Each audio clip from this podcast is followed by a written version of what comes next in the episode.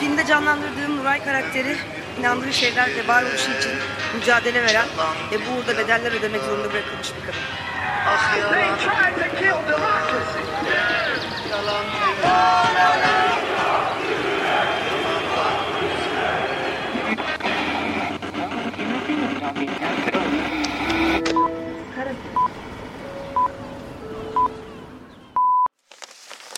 Geçen yılın ardında.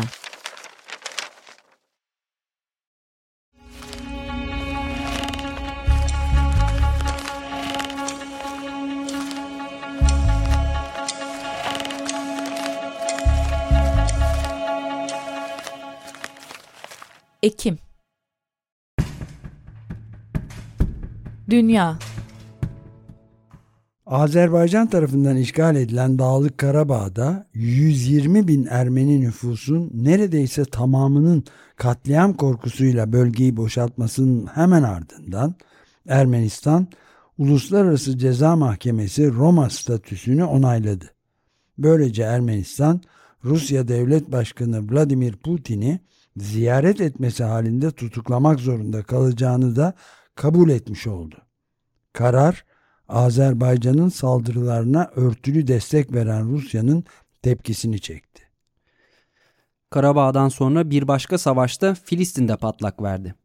16 yıldır abluka altında olan ve 2,3 milyon nüfusuyla yeryüzünün en büyük açık hava hapishanesi denilen Gazze'deki hakim güç Hamas, Aksa Tufanı adını verdiği ani bir saldırıyla İsrail'e binlerce füze attı. Ardından da Gazze'yi çevreleyen güvenlik duvarlarını paramotorlarla yani motorlu paraşütlerle aştı ve bazı şehirlere girerek karakollara ve bir müzik festivaline saldırdı. Saldırının ardından 12 farklı Filistinli örgütten oluşan Filistin Direniş Grupları Ortak Operasyon Odası savaşa katıldıklarını söyledi. Sadece festival alanında 260 sivil öldürüldü. İsrail ordusu 7 Ekim'den itibaren Gazze şeridinden yaklaşık binden fazla Filistinli silahlı militanın 80 ayrı noktadan İsrail içinde 20 yerleşim yeri ve 11 askeri karakola girdiğini açıkladı. Saldırılarda 450 kadarı asker ve polis, geri kalanı sivil olmak üzere toplamda 1200 civarında İsrailli öldürüldü. İsrail'de çalışan 50 kadar göçmen işçi de öldürülenler arasındaydı. Çoğu sivil 200'den fazla İsrailli de Gazze'ye rehin olarak kaçırıldı. İsrail'de 1400 kadar Hamas militanını öldürdüğünü açıkladı. İsrail Başbakanı Netanyahu'nun aşırı sağcı yönetimi eline geçen fırsatı vahşi hedefleri doğrultusunda zaman kaybetmeden kullanarak Gazze'ye çok büyük bir saldırı başlattı. Birleşmiş Milletler çatışmalar nedeniyle daha ilk günlerde Gazze'de 300 binden fazla kişinin yerinden edildiğini ve bu insanların çoğunun Birleşmiş Milletler'e ait 66 civarındaki okula sığındığını bildirdi. Aşırı sağcı hatta alenen terör örgütü destekçiliğinden hüküm giymiş olan İsrail Ulusal Güvenlik Bakanı Itamar Ben-Gvir, bakanlığının İsrail ve işgal altındaki Batı Şeria'daki sivil güvenlik ekiplerini silahlandırmak için 10 bin tüfek satın aldığını açıkladı. İsrail Savunma Bakanı Yoav Gallant ise insansı hayvanlarla savaşıyoruz ve ona göre hareket edeceğiz deme cüreti gösterdi ve Rusya'nın Ukrayna'da yaptığına benzer şekilde Gazze'nin elektriği kesildi gıda ve yakıt girişi engellendi, sivil altyapısı vuruldu. 24 saat içinde İsrail Hava Kuvvetleri 500'den fazla saldırı düzenlemişti. Hamas saldırısının ardından İsrail'in başlattığı Gazze bombardımanı 7. günündeyken İsrail'de savaş kabinesi kuruldu. Aylardır süren yargı darbesi karşıtı hareketin en önemli destekçisi ve muhalefet lideri Benny Gantz'ın da katılımıyla kurulan bu savaş kabinesinde Başbakan Netanyahu ve Filistinlilere insansı hayvanlar diyen Savunma Bakanı Yoav Gallant da yer alıyordu. Filistinlilere yönelik kolektif cezalandırma ve soykırım tartışmaları sürerken İsrail Cumhurbaşkanı Isaac Herzog sorumlu olan orada yaşayan bütün bir ulustur. Sivillerin haberdar olmadığı, olaya dahil olmadığı söylemi doğru değil. Kesinlikle doğru değil. Ayaklanabilirlerdi bir darbeyle Gazze'yi ele geçiren o şeytani rejime karşı savaşabilirlerdi dedi ve böyle diyerek tüm Filistinlileri bir tuttuğunu açıkça söyledi. İsrail bir hafta süren saldırıların ardından 24 saat içinde Gazze'nin kuzeyinin boşaltılması çağrısı yaptı. Birleşmiş Milletler bu kararın kabul edilemez olduğunu, 24 saat içinde 1,1 milyon insanın Gazze'nin kuzeyinden güneyine geçmesi gerektiği anlamına geldiğini söyledi. Bu sırada İnsan Hakları İzleme Örgütü, İsrail'i Gazze ve Lübnan'daki askeri operasyonlarında beyaz fosforlu mühimmat kullanmakla suçladı. İsrail bir yandan Gazze'nin kuzeyinin tahliyesi çağrısı yaparken bir yandan da tahliye yollarından birini vurdu ve en az 200 sivili öldürdü. Dünyadan bunların soykırıma yol açacağına dair tepkiler yükselirken Dünya Sağlık Örgütü de İsrail'in Gazze'nin kuzeyindeki hastanelerin tahliyesine yönelik talimatlarının kabul edilemez olduğunu ilan etti.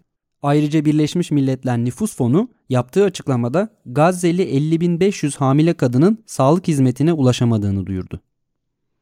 Yaşanan sivil katliama rağmen İsrail içinden de savaş politikalarına karşı bazı sesler yükseldi. İsrail Komünist Partisi ve Barış ve Eşitlik için Demokratik Cephe, Hadaş, ortak açıklama yaparak yaşananlardan Netanyahu'nun aşırı sağcı hükümetini ve 75 yıldır süren işgali sorumlu tuttu.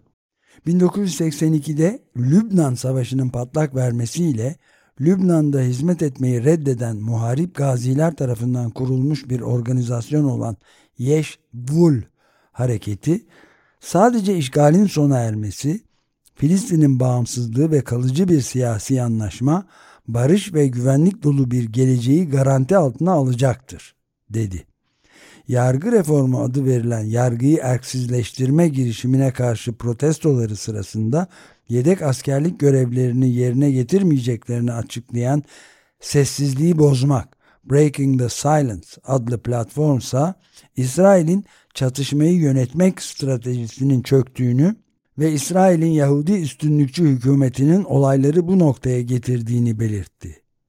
Haaretz gazetesi de yayınladığı editör yazısıyla sorumlu olarak Filistinlilerin var olma hakkını tanımayan Netanyahu hükümetini ilan etti.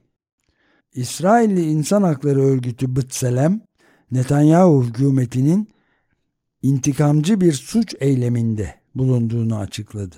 Ayrıca birçok ülkede on binlerce kişi Filistin'le dayanışma gösterileri gerçekleştirdi. İsrail saldırılarının 11. gününde öldürülen Filistinlilerin sayısı 3000'i bulmuştu ki İsrail çok büyük bir katliam daha gerçekleştirdi. Gazze kentinde yer alan ve sadece yaralıların değil binlerce sivilin de bombardımandan korunmak için sığındığı El Ahli Arap Hastanesi'ni vurdu. Gazze'deki tek Hristiyan hastanesi olan El Ahli bombardımanında 471 hasta, sivil ve sağlık çalışanı hayatını kaybetti. Bu katliam İsrail'in Hamas'la değil topyekün bütün Filistinlilerle savaştığı gerçeğini tartışmasız şekilde kanıtlamış oldu. Katliamın hemen ardından yüzlerce Filistinli Batı Şeria'nın Nablus, Tulkarem ve Cenin kentlerinde sokaklara dökülerek İsrail'in hastaneye düzenlediği hava saldırısını protesto etti. Göstericiler bu kez sadece İsrail'i değil, Filistin yönetimi başkanı Mahmut Abbas'ı da protesto etti ve Filistin yönetiminin polisiyle çatıştı. Ertesi günde Batı Şeria'da ve Doğu Kudüs'te Filistinliler genel greve gitti. Bu sırada İsrail polisi de savaşı protesto eden İsraillilere sert davrandı. İsrail polis şefi Kobi Şaptay, ülkedeki savaş karşıtı protestocuları otobüslere bindirip Gazze'ye göndermekle tehdit etti. Savaş başladığından beri birçok protesto örgütleyen Amerikalı savaş karşıtı Yahudilerin örgütü Jewish Voice for Peace, hastane katliamı sonrasında binlerce kişinin katıldığı ve Filistinliler için Amerikalı Yahudilerin en büyük eylemi olduğu söylenen eylemde kongre binasını işgal ederek benim adıma savaşma, ateşkes hemen şimdi sloganları attı. Ellerinde hepimizin kanı aynı renk pankartı taşıyan barış aktivistlerine ünlü yazar ve aktivist Naomi Klein de katıldı. Yahudi savaş karşıtları her hafta birçok eylem düzenlemeyi sürdürdü. Bütün dünyada yüz binler İsrail saldırılarına karşı sokaklara inerken iklim aktivisti Greta Thunberg de yaşananlara sessiz kalmadı. Greta, Filistin bayrağıyla yaptığı paylaşımda soykırımın durdurulması gerektiğini ve dünyanın acil ateşkes için İsrail'e baskı yapması gerektiğini yazmıştı. Ancak kendisi büyük saldırılara maruz kaldı, antisemit Yahudi düşmanı olmakla suçlandı. Ayrıca İsrail'in de hedefi oldu. İsrail ordusu sözcüsü Arye Sharuz Shalikar, Politico'ya verdiği demeçte Greta ile gelecekte herhangi bir şekilde özdeşleşen her kim olursa olsun benim görüşüme göre terör destekçisidir dedi. İsrail'in resmi hesabı Hamas'ın roketlerde sürdürülebilir malzeme kullanmadığı şeklinde saçma sapan bir mesaj paylaştı. Daha sonra da Eğitim Bakanlığı eğitim müfredatında yer alan Greta ile ilgili tüm bölüm ve cümlelerin müfredattan silineceğini açıkladı. İnsani kriz sürerken İsrail Başbakanı Netanyahu ise konuşmasında 3000 yıllık Tevrat anlatısına başvurarak soykırımı meşrulaştırıcı ifadeler kullandı. Netanyahu, Amalek'in size ne yaptığını unutmamalısınız diyor kutsal kitabımız dedi. Tevrat'ta Yahudi halkına saldıran Amalekliler hakkında şöyle yazıyordu. Şimdi gidin Amalek'i vurun. Sahip oldukları her şeyi yok edin. Onları esirgemeyin. Erkeği de kadını da, bebeği de süt emen çocuğu da, öküzü de, koyunu da, deveyi de, eşeği de öldürün. Avrupa Akdeniz İnsan Hakları Gözlemevi'nin Filistin Ofisi Direktörü Enes El Cercevi, İsrail'in Gazze'ye yönelik aralıksız bombardımanı sonucu her gün 120 ve her 15 dakikada bir çocuğun hayatını kaybettiğini söyledi. Hamas saldırısının ardından başlayan savaş bölgesel bir askeri gerilime de neden oldu. İsrail defalarca Lübnan ve Suriye topraklarını vurdu. İran birçok kez İsrail'i vurmakla tehdit etti. Amerika Birleşik Devletleri bölgeye iki uçak gemisi ve 2000 asker gönderdi. Birleşik Krallık iki savaş gemisi gönderdi. Çin de bölgeye 6 savaş gemisi gönderdi. İsrail'in Gazze saldırısının ardından Amerika Birleşik Devletleri'nin Irak ve Suriye'deki askeri birliklerine Ekim ayı içinde 13 saldırı yapıldı. Birleşmiş Milletler ise defalarca toplanıp hiçbir karar almayı başaramayarak bir kez daha çöktüğünü gösterdi. Rusya, Amerika Birleşik Devletleri, Brezilya ve başka bazı devletler tarafından verilen ateşkes ve insani yardım önerileri sürekli olarak bir büyük ülkenin diğerinin tasarısını veto etmesiyle sonuçlandı. Özellikle Amerika Birleşik Devletleri ile Rusya birbirlerini sürekli veto ediyordu. Birleşmiş Milletler Genel Sekreteri Antonio Guterres'in ise Hamas'ın durup dururken ortaya çıkmadığını belirterek Gazze'de yaşanan insani felakete dikkat çekmesi İsrail'in sert tepkisine neden oldu. İsrail Guterres'in derhal istifasını istedi. Birleşmiş Milletler görevlilerine de vize vermeyeceğini açıkladı. Eski Başbakan Yair Lapid de basının objektif olmaması gerektiğini, iki tarafı da haber yapmaması gerektiğini, bunların hep Hamas'a hizmet edeceğini söyleyerek tarihe geçti. Savaş ve çatışma haberlerinin hiç eksik olmadığı Ekim ayında Pakistan bu yılın başından bu yana ülkede 24 intihar saldırısı meydana geldiğini, bunun 14'ünün Afganistan vatandaşları tarafından gerçekleştirildiğini belirterek radikal bir karar açıkladı ve aralarında 1,73 milyon Afgan vatandaşının da bulunduğu tüm kayıt dışı göçmenlere ülkeyi bir ay içerisinde terk etmelerini emretti. Emre uymayanların ise sınır dışı edileceği açıklandı. Büyük sorunlarla boğuşmakta olan Afganistan'ı ise 6,3 büyüklüğünde yeni bir deprem vurdu. Çok sayıda köy yerli bir oldu ve 2000'in üzerinde insan ve pek çok hayvan hayatını kaybetti. Afganistan'a Taliban yönetimi nedeniyle uluslararası insani yardım da ulaştırılamıyordu. Depremden bir hafta sonra bu kez de 6,5 büyüklüğünde bir deprem yaşandı. Ancak bu sefer fazla can kaybı yaşanmadı. Birleşmiş Milletler Güvenlik Konseyi sorunlarla boğuşan Karayipler ülkesi Haiti'de çeteler tarafından işlenen şiddetin engellenmesi ve uzun zamandır beklenen seçimlerin yapılabilmesi için ülkeye Kenya'nın liderliğinde askeri misyon gönderme kararı aldı. Amerika Birleşik Devletleri tarafından hazırlanan karar tasarısına 13 ülke lehte oy verirken Rusya ve Çin çekimser kaldı. Amerika'nın savaş karşıtı örgütleri ise karara tepki göstererek bunun yeni bir işgal gücü olduğunu belirtti. Avustralya'da nüfusun %3'ünü oluşturan yerlilerin yani aborijinlerin haklarının anayasada tanınması üzerine yapılan anayasa referandumu Avustralya halkının %61'inin hayır oylarıyla reddedildi. Yani Avustralya topraklarının on binlerce yıldır sahipleri olan yerlilerin 230 küsur yıldır onları o topraklardan uzaklaştıran ve onlara hükmeden beyazlarla aynı haklara sahip olamayacakları oylandı. İzlanda'da kadınlar 48 yıl sonra bir kez daha eşit işe eşit ücret ve cinsel şiddete karşı greve gitti. İlki 1975 yılında gerçekleşen grev, kadınların yaşam koşullarında ciddi bir iyileşme sağlamıştı. İzlanda kadın erkek eşitliğinde en iyi ülke olarak biliniyordu. Ancak kadın hareketi liderleri hala kadınların ortalama olarak erkeklerden %20 daha az ücret aldığını ve cinsel şiddetin de devam ettiğini söyleyerek siz buna eşitlik mi diyorsunuz sloganıyla tam gün greve gitti.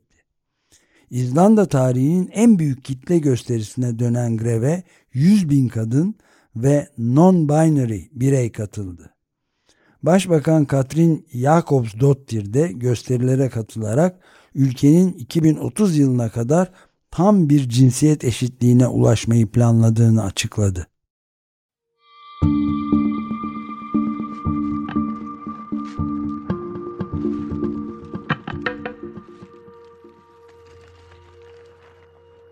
Türkiye Türkiye'de Ekim ayının ilk günü meclisin açılış günüydü ancak açılışa saatler kala İçişleri Bakanlığı'na bir terör saldırısı gerçekleşti.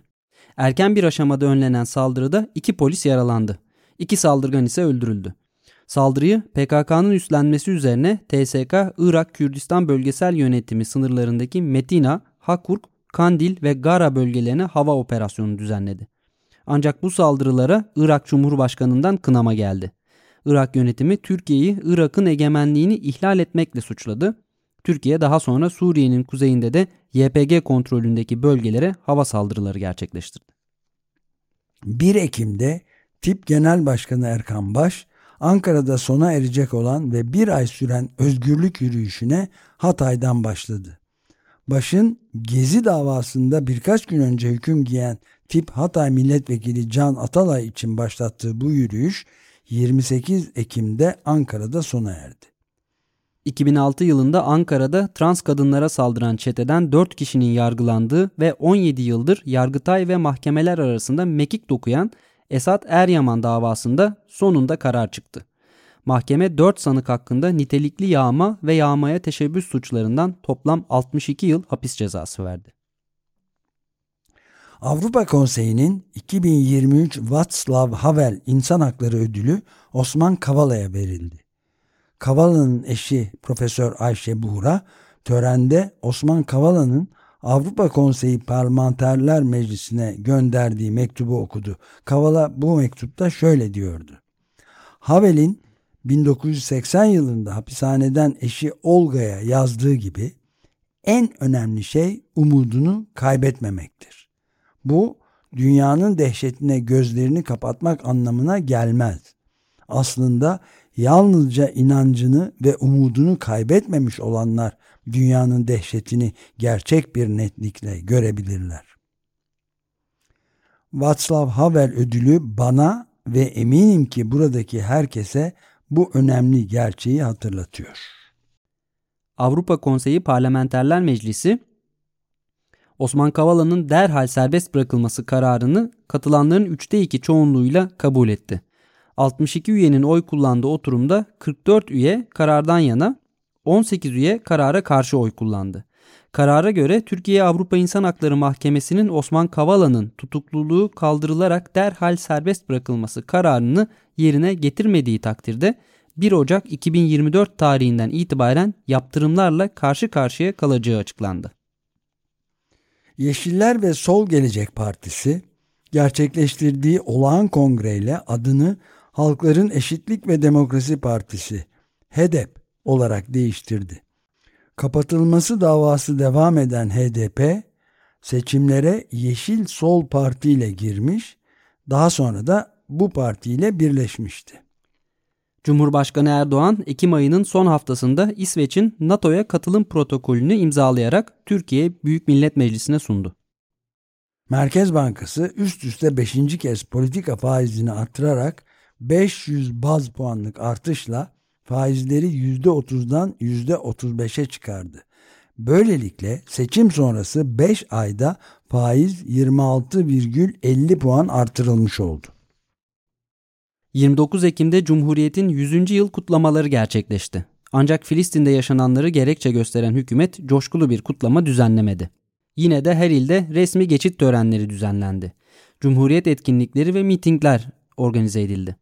100. yıl ülkede 78 Aydın'ın Kürt sorununda barış deklarasyonu yayınladığı, Aydın'da bir öğrenci yurdunda asansör kazası sonucu ölen öğrenci arkadaşları için eylem yapan öğrencilerin gözaltına alındığı, İsrail'in Filistin'deki katliamlarını bahane eden bazı grupların Türkiye'li Yahudilere yönelik ırkçı açıklamalar yapıp sinagoglara yazılamalar yaptıkları ve hemen her gün yeni bir kadın cinayetinin yaşandığı koşullarda kutlanıyordu.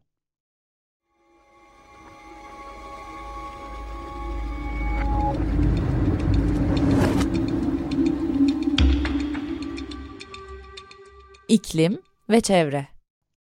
Brezilya'nın Amazon yağmur ormanlarındaki en önemli nehir limanı olan Manaus'ta kuraklık nedeniyle su seviyesi 14 metre ile son 121 yılın en sığ seviyesine geriledi.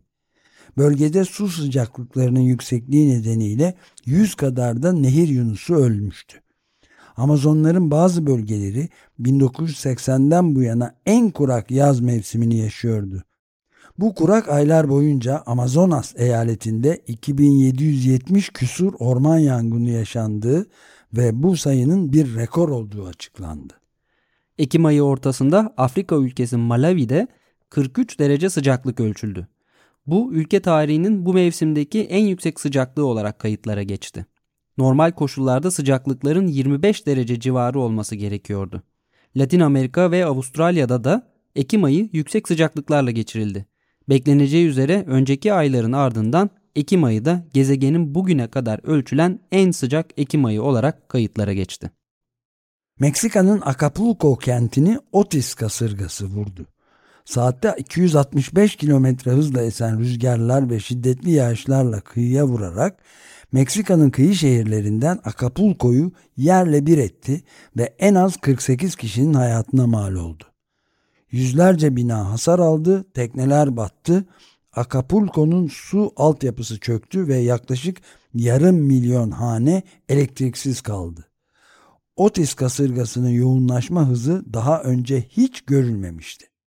12 saat içinde sıradan bir tropik fırtınadan en güçlü kategori olan ve dünya çapında her yıl yalnızca birkaç kez meydana gelebilen kategori 5 gücünde bir kasırgaya dönüştü. Sadece 12 saat içinde en yüksek kategoriye ulaşan kasırga için bilim insanları ancak bin yılda bir görülebilecek bir olay dediler ve iklim değişikliğinin iklimi artık tahmin edilemez bir noktaya taşımakta olduğunu belirttiler.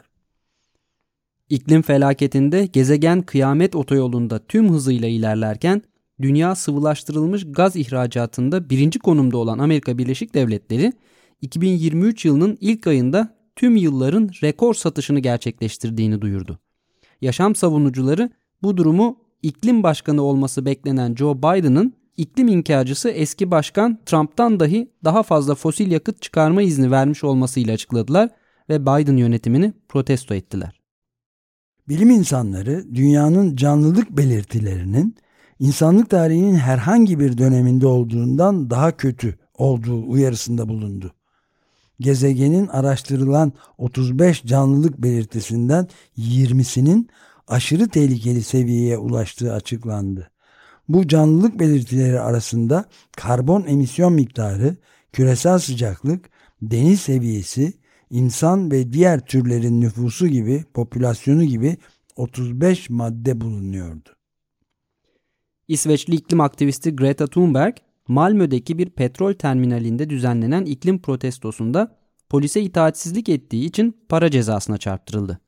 İsveç'teki Malmö Bölge Mahkemesi'nde 4500 kron yaklaşık 400 euro ödemeye mahkum edilen Greta Temmuz ayında da benzer bir suç nedeniyle aynı mahkeme tarafından 2500 kronluk yani 216 euroluk bir para cezasına daha çarptırılmıştı.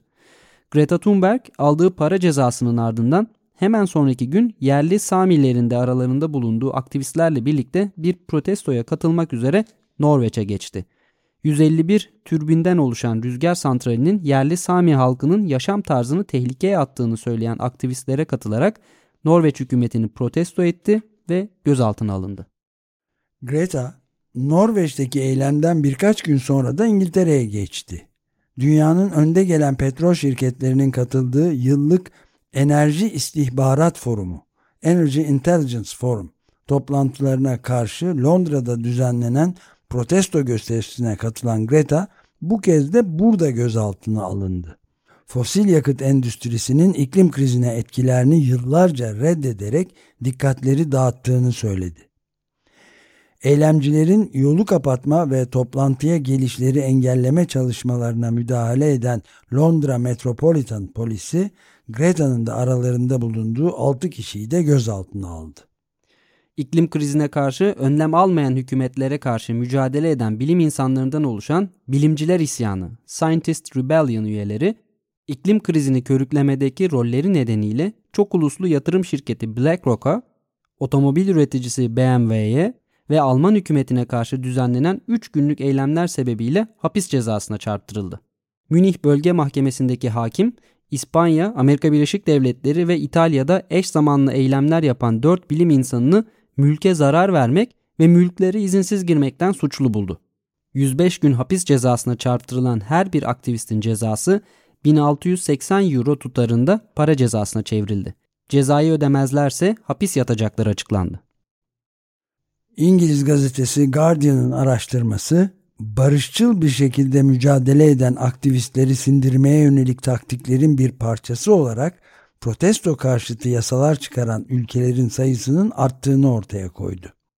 Kanada'dan Amerika Birleşik Devletleri'ne, Guatemala'dan Şili'ye, Hindistan ve Tanzanya'dan İngiltere, Avrupa ve Avustralya'ya kadar hükümetlerin gezegeni korumaya çalışan aktivistlere karşı uyguladıkları yöntemlerde çarpıcı benzerlikler tespit etti.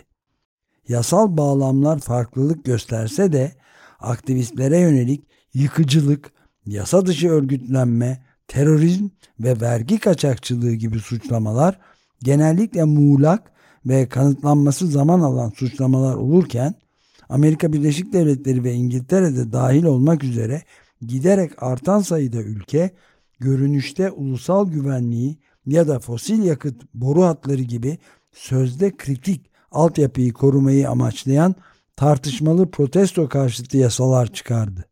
Almanya, Fransa, İtalya, İsveç, Hollanda ve Birleşik Krallık'ta yetkililer iklim protestolarına kitlesel tutuklamalarla acımasız yeni yasalar çıkararak şiddet içermeyen protestolara ağır cezalar vererek ve aktivistleri hooligan, sabotajcı veya ekoterörist olarak etiketleyerek karşılık veriyordu.